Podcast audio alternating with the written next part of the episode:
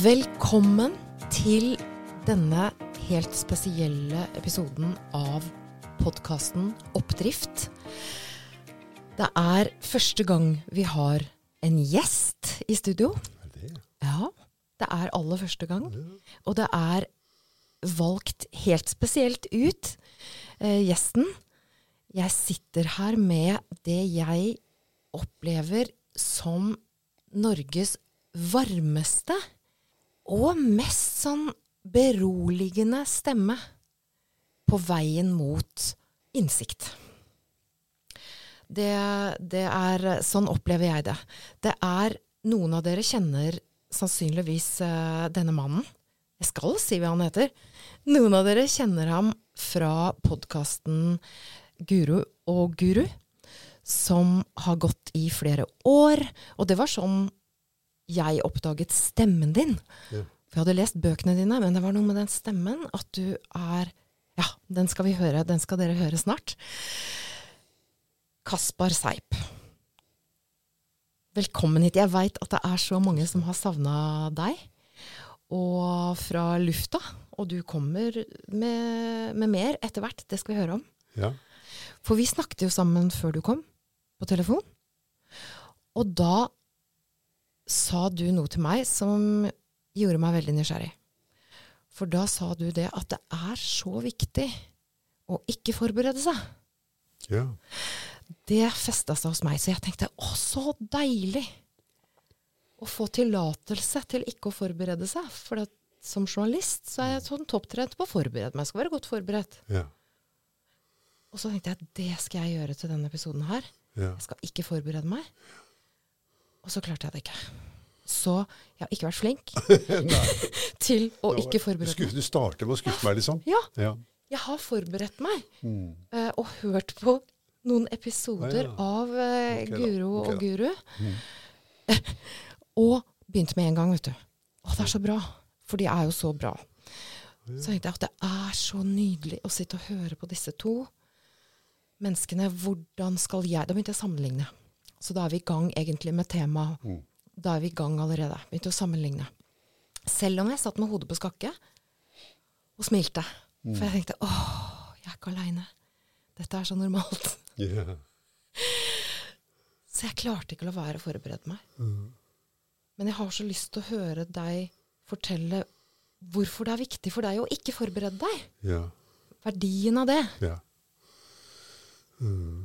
Eh, jo, du vet eh, at Og jeg tror jo at i hvert fall noen av de som hører på, også de eh, de vet at jeg jobber, har jobbet mange mange år som terapeut. Altså Jeg har jobbet 45 år som terapeut. Ja. Og det betyr at jeg eh, treffer folk i enerom og snakker med dem. Og noe av det folk setter mest pris på, noe av det jeg setter mest pris på også, det er å bli lyttet til. Og, og, eh, og, det er faktisk, dette er egentlig noe jeg har lært i næringslivet. Jeg har jobbet mange år i næringslivet også. eh, innenfor det som heter Hva heter det? HR heter det nå. Ja.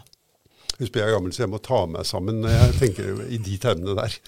Men eh, Human ja, resources. ja, Eller human relations.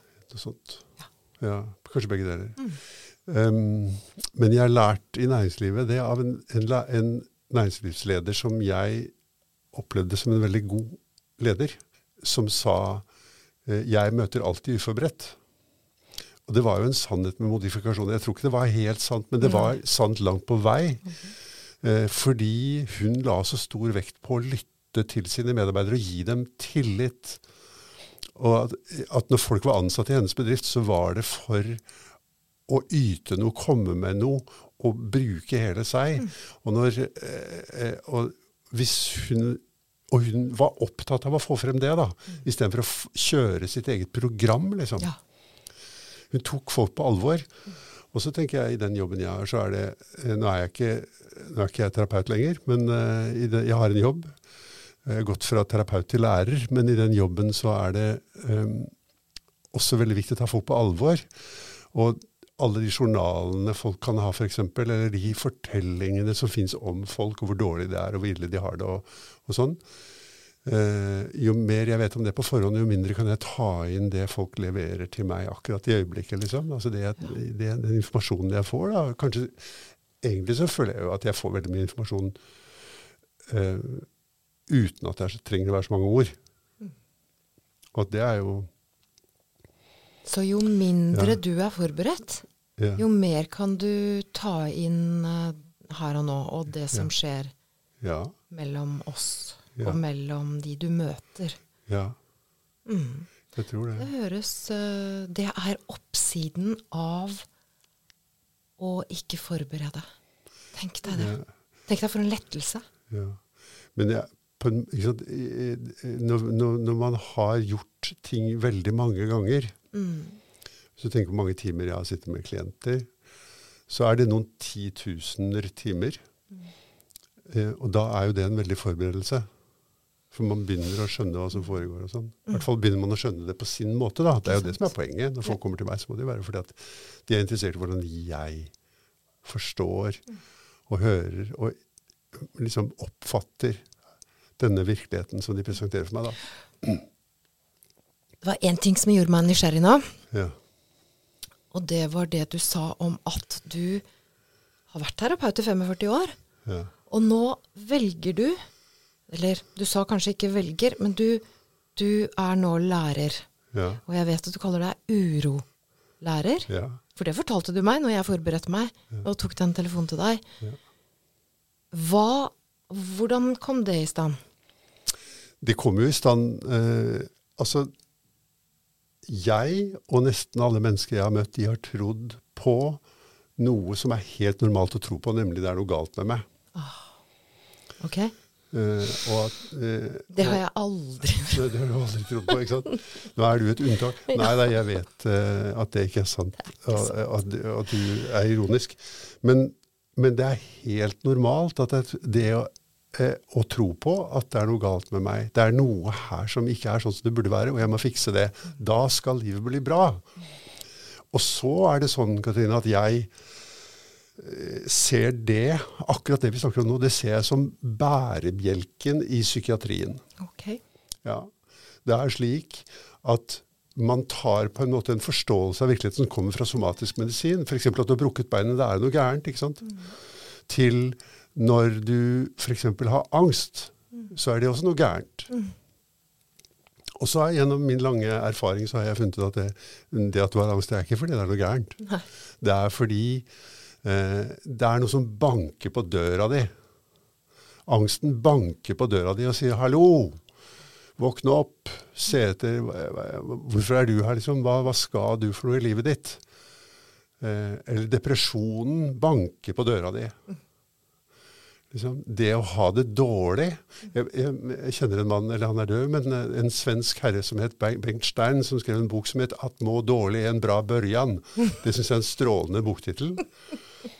Ja. Og det eh, Det er en god start. Ja. ja.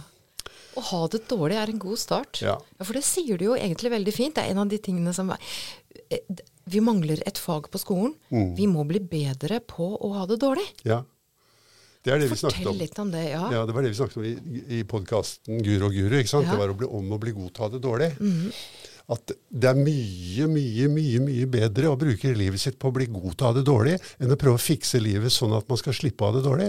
Fordi at, Og det vet jeg av egen erfaring, det er derfor jeg sier det så, så, så rett ut, liksom, eller så, så, mye kraft. Jeg vet det, for jeg har brukt over 50 år på å prøve å fikse livet sånn at jeg skulle slippe av det dårlig. Og det virker bare veldig korte øyeblikk av gangen. Mm. Hva er det som virker bedre? Eh, det virker veldig mye bedre å lære seg å håndtere det som er vondt. Fordi at det som er vondt, det kommer tilbake i livet igjen og igjen. Det er jo helt sikkert som amen i kjerka. Det kommer tilbake. F.eks. hvis man er glad i noen, så vil det gjøre vondt. ikke sant? For eksempel, Jeg har alltid eller vært glad i å ha hunder. Jeg har hund også. Han er ikke med i dag, men han, egentlig skulle han vært her. Han pleier Påsan. å være på det meste. Påsan, ja. Han jeg er skuffa for at Påsan ikke er med. Ja, han er også skuffa. Men jeg har skjønt skuffelse er en del av livet, ja. så ja. jeg lar det passere. Ja, veldig bra. Eller hvis vi virkelig skulle gå inn i det, så kan du si liksom når du, eh, sant, når du sier jeg er skuffa for, for meg så er ikke det å være skuffet en følelse, Nei. men det er noen greier som foregår inni mer tenkningen, nemlig at jeg har noen forventninger, Ja. og så blir jeg skuffa. Men, men når du kjenner på kroppen, hvordan kjenner du skuffelse i kroppen? Hvor er det du kjenner skuffelse? Er det behagelig eller ubehagelig? Mm, det er ubehagelig. Ja, Og hvor er det ubehagelig? Nei, akkurat sånn skuffelse for meg er vel et sted eh, sånn Altså, det sitter litt bak øynene. Ja. Eh, Og så kjenner jeg at det er sånn som det meste annet som er ubehagelig, det er, sitter i magen. Sitter Og jeg har akkurat nå, så, og jeg, jeg merker Ja. Altså, dette er Jeg er så glad Altså, jeg kjenner på en sånn boblende følelse inni meg nå. ja. Fordi at vi sitter, og jeg sitter her sammen med deg, og jeg får lov til å stille spørsmål. Jeg har ikke møtt deg før, og jeg er kjempeglad for det. Og når jeg eh, har det sånn, og, også jeg, og så kjenner jeg at det bobler litt, jeg er nervøs, Ja. så blir jeg så tørr i munnen ja. at da skal vi bare Skål. Ja, skal vi gjøre det? Ja. Det ble også. Ja, jeg kjente nå Hva er det jeg trenger nå? Mm. Det har jeg funnet ut er et spørsmål Når jeg kommer på det spørsmålet, Mm. hva trenger jeg nå? Mm. Da kan jeg gi meg det jeg trenger. Og den, i dette tilfellet var det litt. Mm. Og så før vi kan vite hva vi trenger, så tror jeg det er veldig lurt å, se, det er å prøve å undersøke hvordan, hva er det som skjer nå. Hva er det som skjer nå? Eh, Hvordan har jeg det nå? Jo, jeg har vondt i magen, f.eks. Eller jeg er veldig tørr i munnen. Kan jeg gi det som skjer nå, litt tid? Eh, sånn at jeg blir litt kjent med det. For at det som skjer nå, er ubehagelig. ikke sant? Og det ubehaget, det er menneskesinnet på en måte rigga for å prøve å bli kvitt.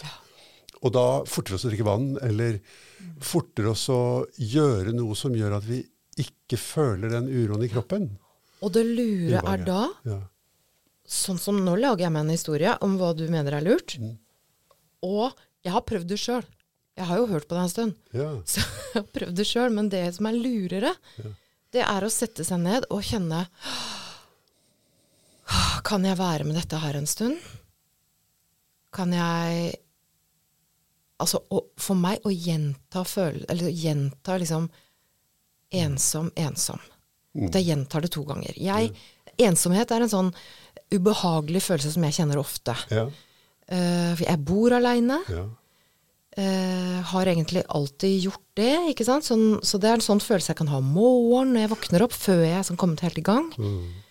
Eller kvelden jeg kommer hjem sånn etter eh, at vi har snakka sammen nå. Kommer hjem, så er det sånn åh, da har jeg veldig lyst til å spise noe, eller Mens det lurere, da, sånn som jeg hører deg, det er å sette meg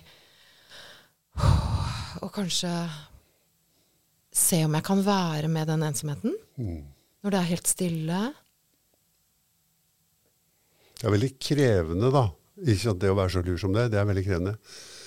Uh, og rette oppmerksomheten Og jeg, kan, jeg vil gjerne fortelle deg hvorfor det er så krevende, sånn som jeg forstår det. da. Fordi at både evolusjonært og psykologisk så har vi mennesker alltid øvet oss automatisk på å prøve å komme bort fra det.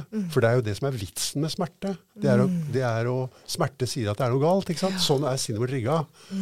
Derfor så er det veldig vanskelig for oss å begynne å trene på å være sammen med det som er vondt. Det er derfor på en måte det, ikke sant? Vi har sånne vitsetegninger med sånne fakirer som ligger på spikermatter. ikke sant? Men, men ideen bak det er jo veldig god, for den er ja, men hvis du virkelig vil undersøke hva skjer når du går mot og inn i det som er ubehagelig, og finner ut det, så vil du på en måte kunne bli fri fra frykten for spikermatter, eller løver, eller kvinner, eller menn, eller hva det nå er. ikke sant? Så det, men det krever er utrolig mye å gå og stille om fra jeg har alltid avskydd det ubehaget, til eh, nå skal jeg begynne å være sammen med det ubehaget. liksom.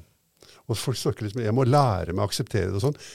Altså, Bare glem det, tenker jeg. fordi det er så eh, det, Du kan ikke begynne der. Det er så krevende Ja. å lære seg å akseptere noe.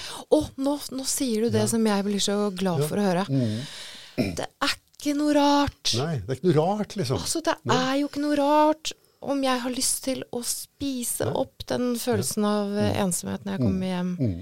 Det er jo ikke noe rart at Man heller ta en øl.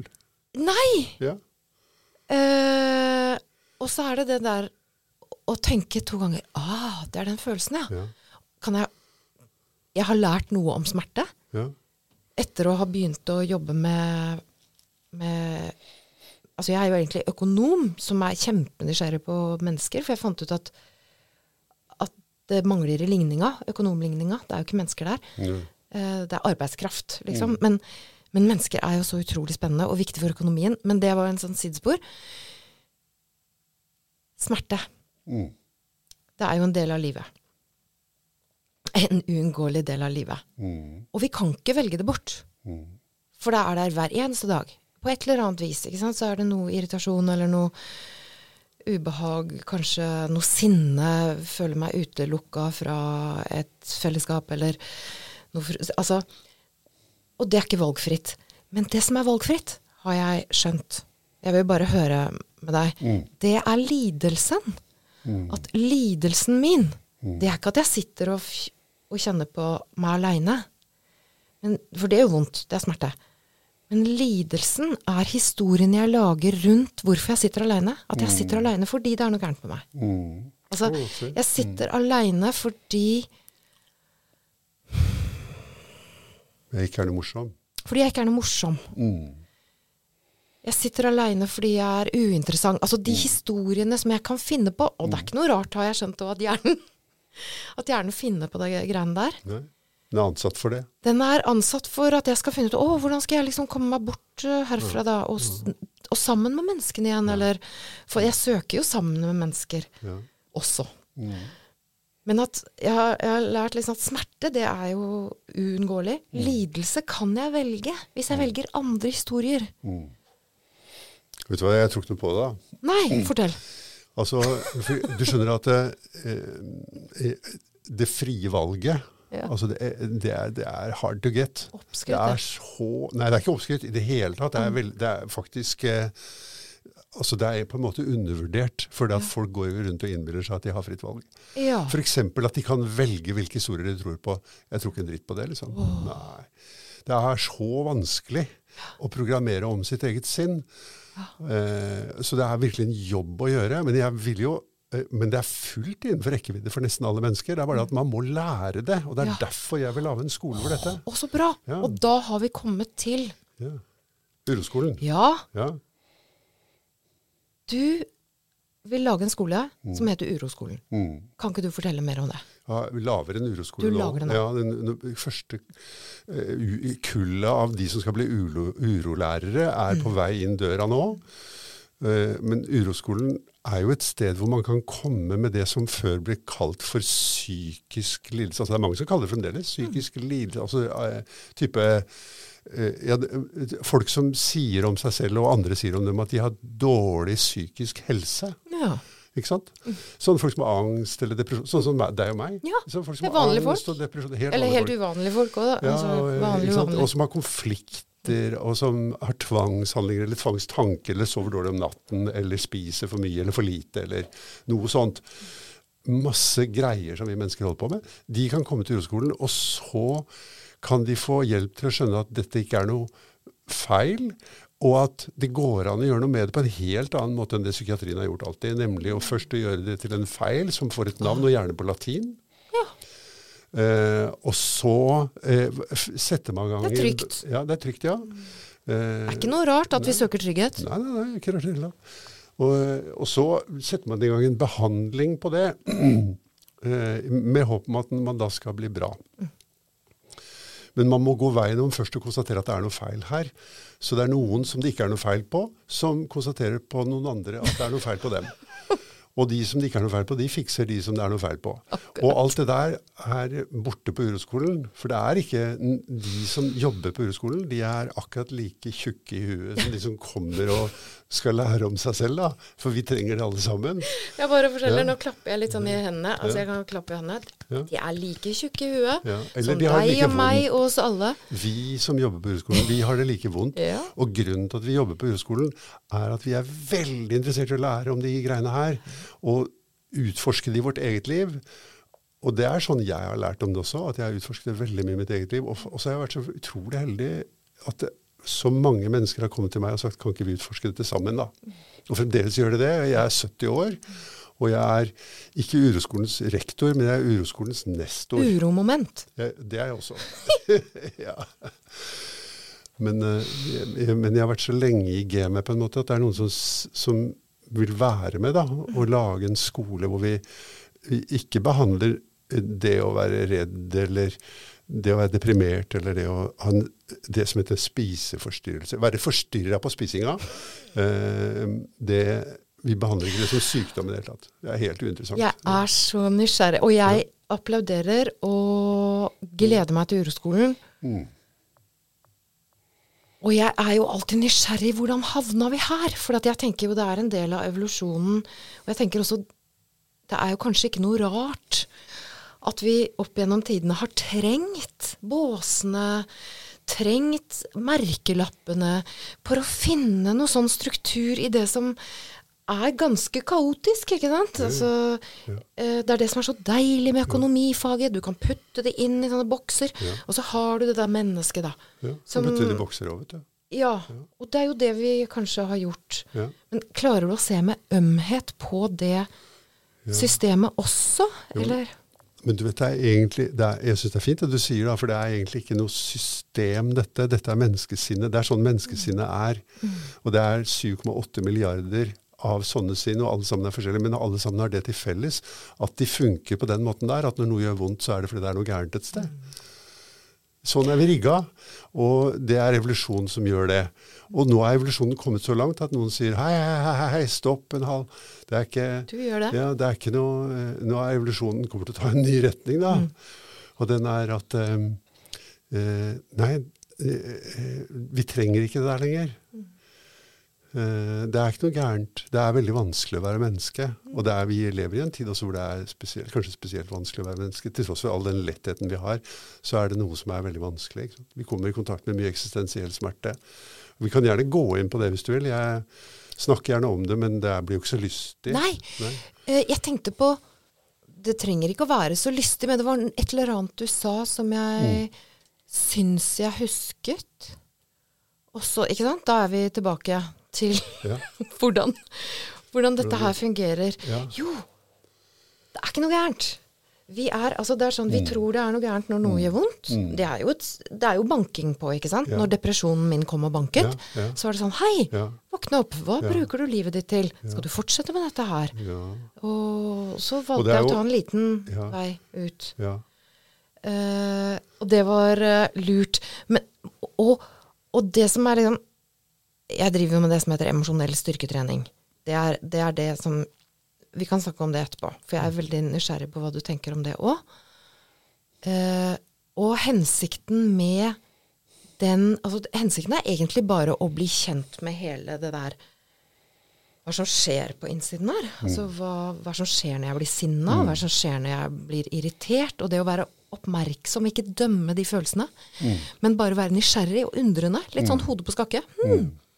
Guri meg, nå ble jeg sinna igjen, liksom. Så rart. Så søt og rar, så søt og rar vi er. Og, og, den andre også kan jo bli sinna. Mm. Og den taxisjåfør her i sted som var så forbanna at han mm. liksom ropte ut. Og så tenkte jeg neimen, så interessant. Mm. Men hele poenget er tanken om at det er ikke snakk om å bli min beste versjon.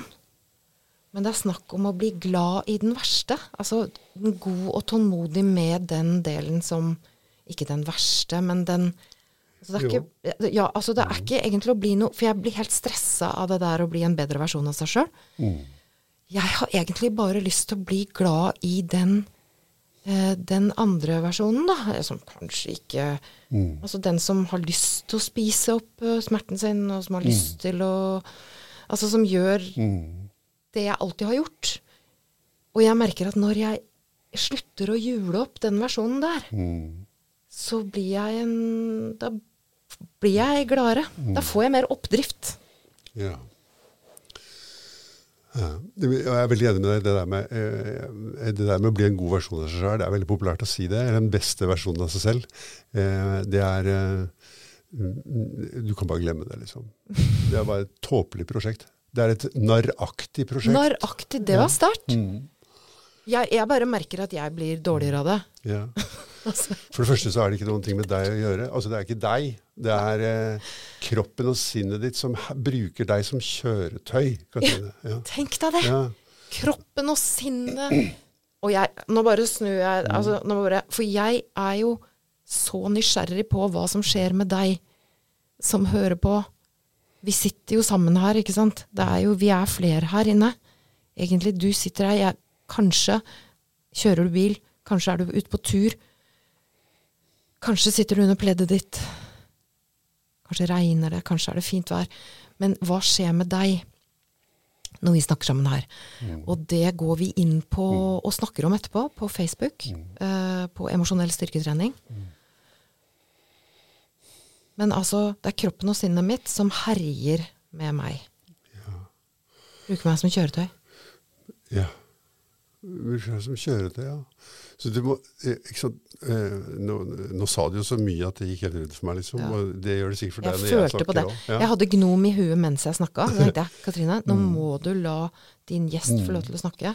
Men Da må jeg, skal vi se, Hvis jeg prøver å nøste, nøste tilbake, så tenker jeg f.eks. Hvem er, eller hva er det som vurderer kvaliteten på de versjonene som finnes av deg? Hvor, og hvor er det, og hva er det?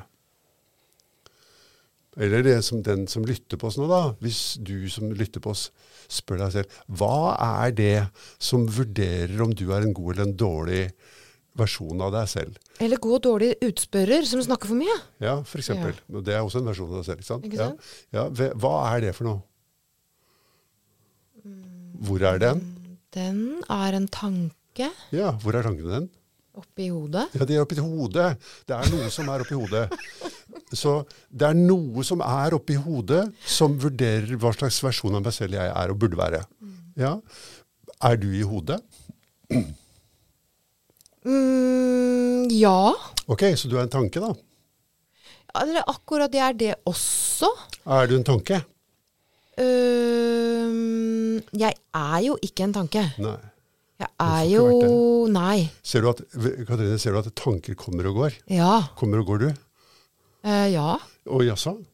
Er, det kom- noe, er det noen gang du ikke er, med andre ord? Nei, sånn, ja. Nei, Jeg men- kommer og går ut og inn av rommet og sånn. Det var det jeg tenkte. Jo, men tanker kom, er det noen gang tanker ikke er? Nei. Jo. Oh. Se etter, da. Eh, Har du alltid den samme tanken? overhodet ikke. Nei, de skifter hele tida. Er det sant at vi har 60 000 tanker om dagen? Ja, sikkert. Jeg Ja, 160. Det er jo ikke Hvis det er rart med 60 som er 60 000. normalen, så er det Det er ikke rart vi blir ko-ko. Nei. Men dette her er jo Jeg syns dette er veldig viktig, da. Ja. Dette er sånn som jeg snakker med mine elever om. Ja. Hvor er det som forteller deg om du er bra eller dårlig? Jo, det er oppi hodet. Hva er det som er oppi hodet? Jo, det er tankene. Eh, Men du sa nettopp til meg at det var du som vurderte om du var bra eller dårlig. Det er jo ikke du som vurderer, det er tanken. så Det er en tanke. Tankestruktur av noe slag som driver og mener noen ting om hva slags versjon jeg er. om jeg er for lang. Jeg har jo alltid hatt en tankestruktur som mener at jeg er for lang. Jeg er to ja. meter. Det er for lang. Det går ikke an å være så lang. Det er pinlig. Det er, ser ikke ut, liksom. Er det lang sant? og hengte, ja. Og jeg har alltid trodd at det var så utrolig fint. Ja, ja, men jeg skjønner du? holdt Alle sånn. mennesker har jo sånne ting. Sånn at de sier du har for mørkt hår, eller for lyst hår, for lang, eller for kort. eller Og jeg har en venninne med tynn, sånn krøller, sånne nydelige krøller. Hun sletter det ut! Ja, du kan se. Det er helt Mm. utrolig.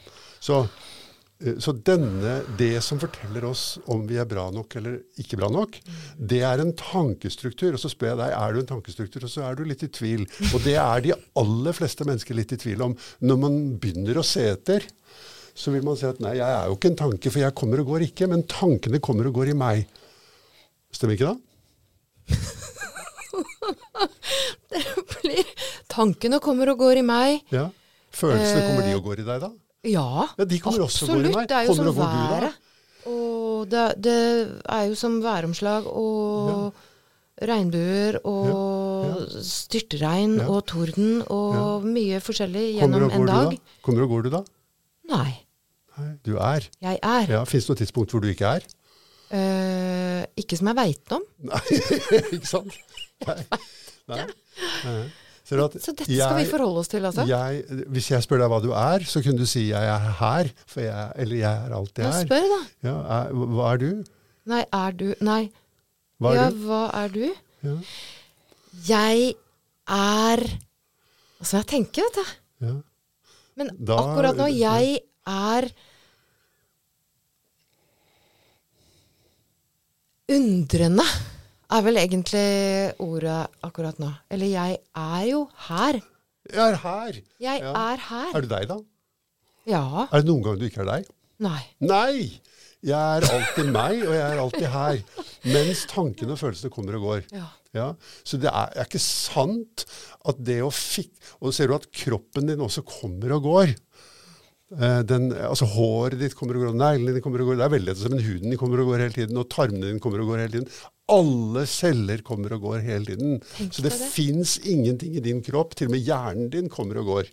Er det noe rart vi har kjenne på uro? Ja, Nei, det kan du godt si. Men Det er jo ikke rart det jeg tror ikke det, er da, eller, så, det skal jeg ikke si for sikkert, kanskje det er derfor. Men, men du ser tanker og følelser og sann... Altså alt det som vi Dette kropp og sinnet som vi har, det kommer og går. Men jeg kommer og går ikke. Jeg er. Tankene kommer og går, og følelsene kommer og går, og sanseinntrykkene kommer og går. Men jeg kommer og går ikke. Derfor, det som driver og snakker om om jeg er bra nok eller ikke, det er bare tanker som jeg har. Og de tankene de kommer av de, Hvis du ser nærmere på det, så ser du de er helt bestemt av historien din. Og da tenker jeg ikke fortellingen som du forteller deg selv, men jeg tenker hva du har erfart i livet ditt. At du er vokst opp i Norge, og at du da, og at det var sånn og sånn i ditt hjem og der.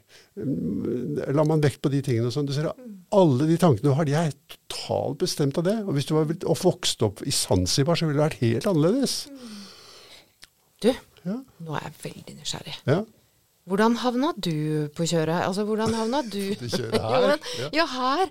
Altså, hvordan øh, Hvordan ble du opptatt av dette? For du er jo en pioner, ikke sant? Altså, du er jo en, en som endrer lite grann på, på kula, eller et snur lite grann på måten vi tenker på det å være menneske på, eller i hvert fall for meg. Så fint. Ja. Det var hyggelig å høre. Mm. Ja, altså, sånn er det for mange, tror jeg. Eller for, for en del av For mange av oss som har, har hørt på deg, Mm. og hører på deg. Så setter du i gang noe.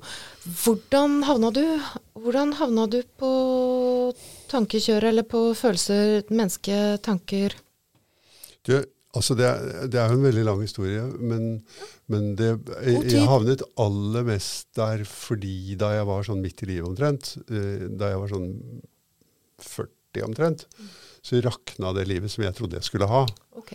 Jeg, opplevde det som veldig mange mennesker opplever, nemlig at det, det som gikk så fint, plutselig ikke går så fint lenger. Familie og jobb og hus og hjem og alle de tingene der sånn. Det er akkurat som det? Fra man er 20 til man er 40, så er det liksom Det er straka veien, på en måte. Man okay. holder Sånn på med det deg, ja.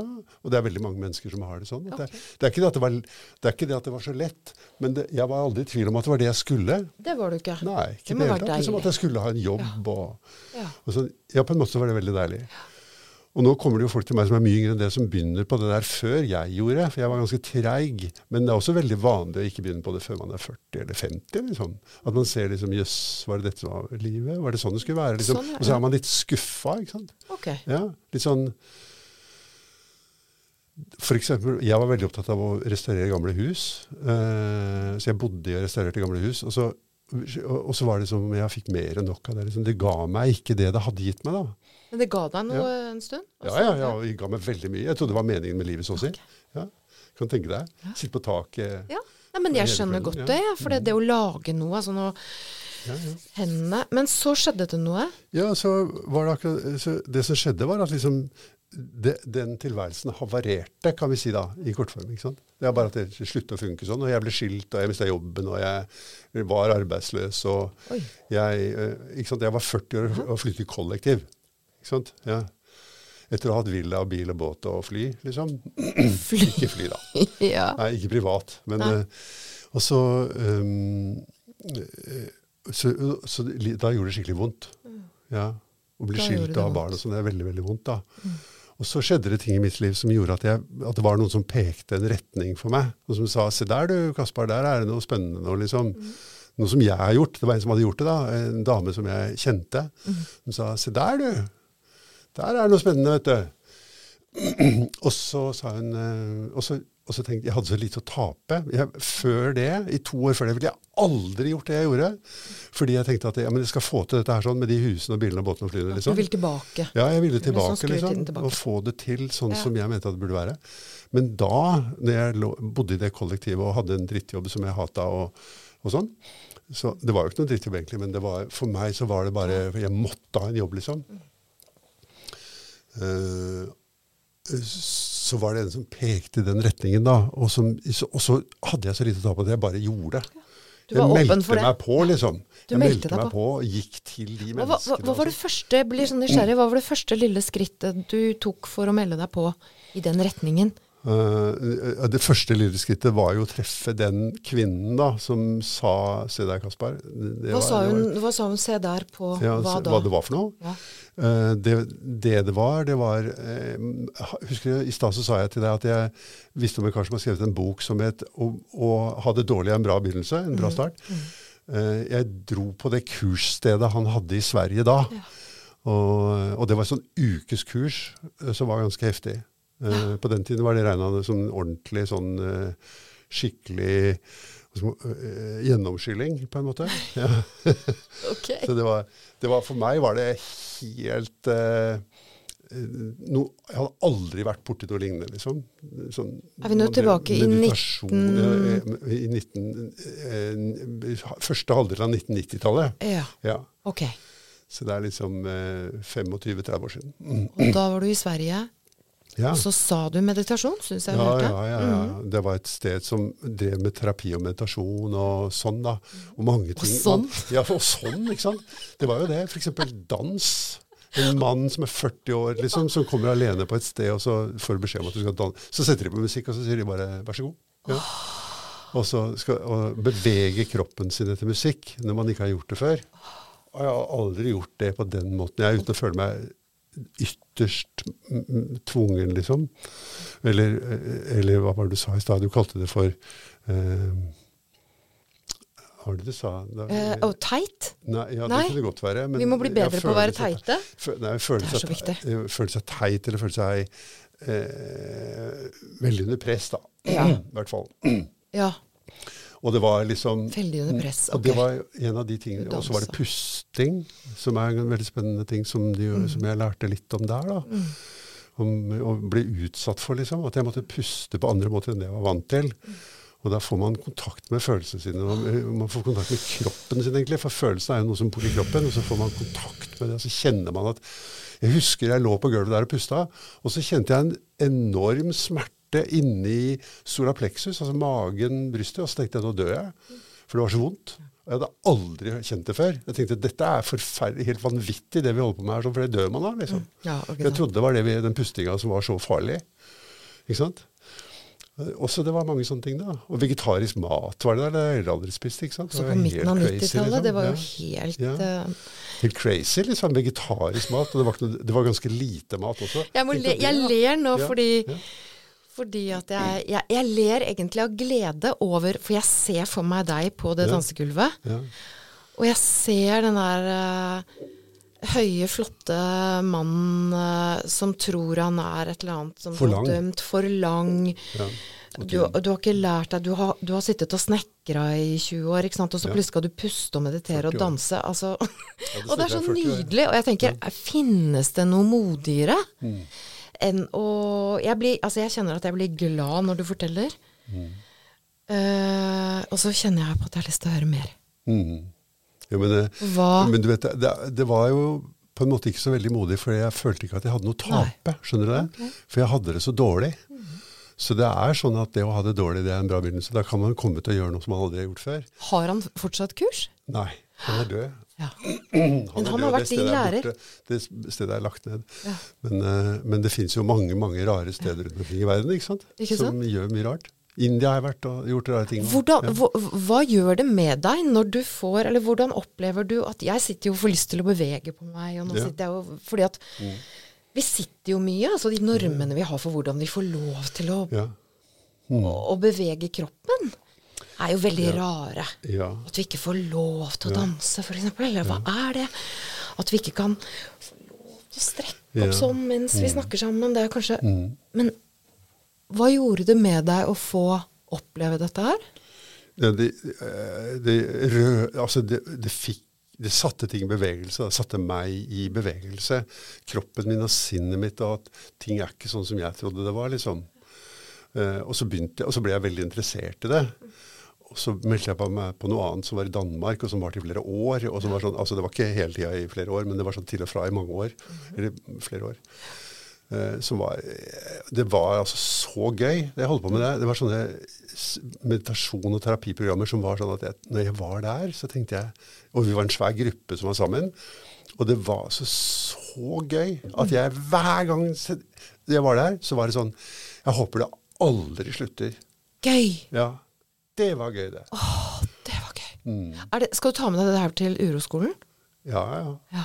ja alle mulige Gøy, sånne ting. Ja. ikke sant? Vet du hva, En ting som vi gjør på Uroskolen som er veldig gøy, eh, og som vi har begynt å gjøre, da, selv om Uroskolen egentlig Vi har hatt to turer.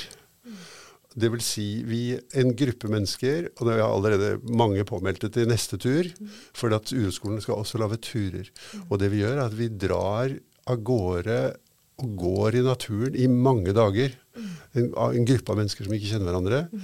Og så er vi sammen, og vi vandrer og vandrer og vandrer veldig langt. Men ikke fortere enn at alle folk kan være med, liksom. Og det var folk som har vært med på de turene, som har vært mange år i sengen, og som gikk i tolv timer i et strekk, liksom. Ikke i et strekk, for vi hvilte ofte. Men de har vært mange år i sengen og reiste seg opp og begynte å gå, liksom, sammen med oss. Eh, og så, uh, så så vandrer vi, og så sitter vi, og så snakker vi sammen, og så ser vi på greiene. Og så er det sånn jeg Det er en av de tingene som er i min historie, at jeg er vokst opp i naturen. Med veldig nært forhold til naturen. Jeg lekte mye i naturen da jeg var liten og sånn. På 50-tallet. Eh, så jeg, jeg er veldig glad i å være ute. og Jeg er vant til å være ute, eller kan det på en måte det med å leve ute i naturen. Og så tar jeg med meg folk, eller Helge og jeg da, som gjør det sammen, vi tar med oss folk ut, og så lever vi i naturen en uke.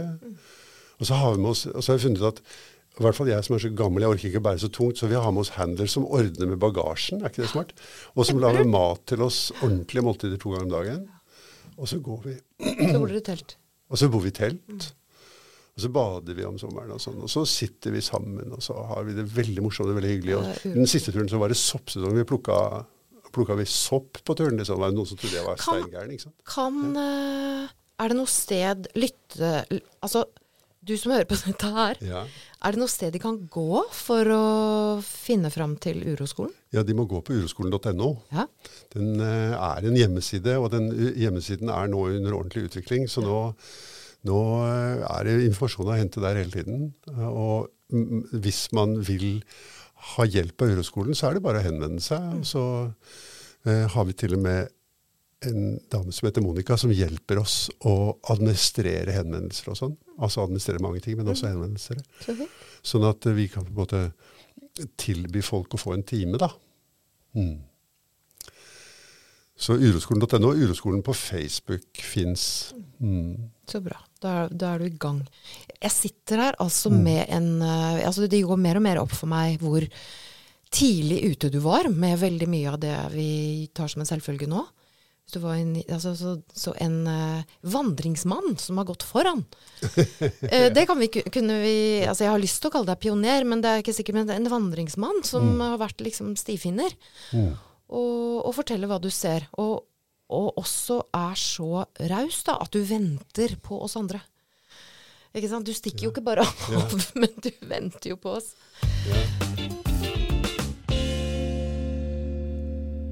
Jeg håper at du har likt denne episoden av Oppdrift. Jeg sitter her eh, fortumlet og eh, spent og glad, og samtalen med Kaspar var så spennende at jeg har invitert han til en episode til, og den kommer neste tirsdag. Tusen takk for at du har brukt din dyrebare tid her sammen med oss.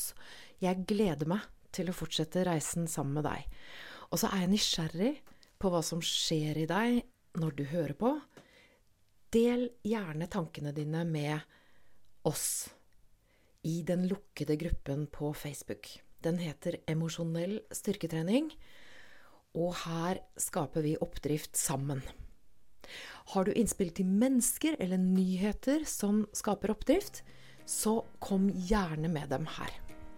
Takk for nå, og husk, vær god og tålmodig med deg sjøl gjennom dagene. Vi høres.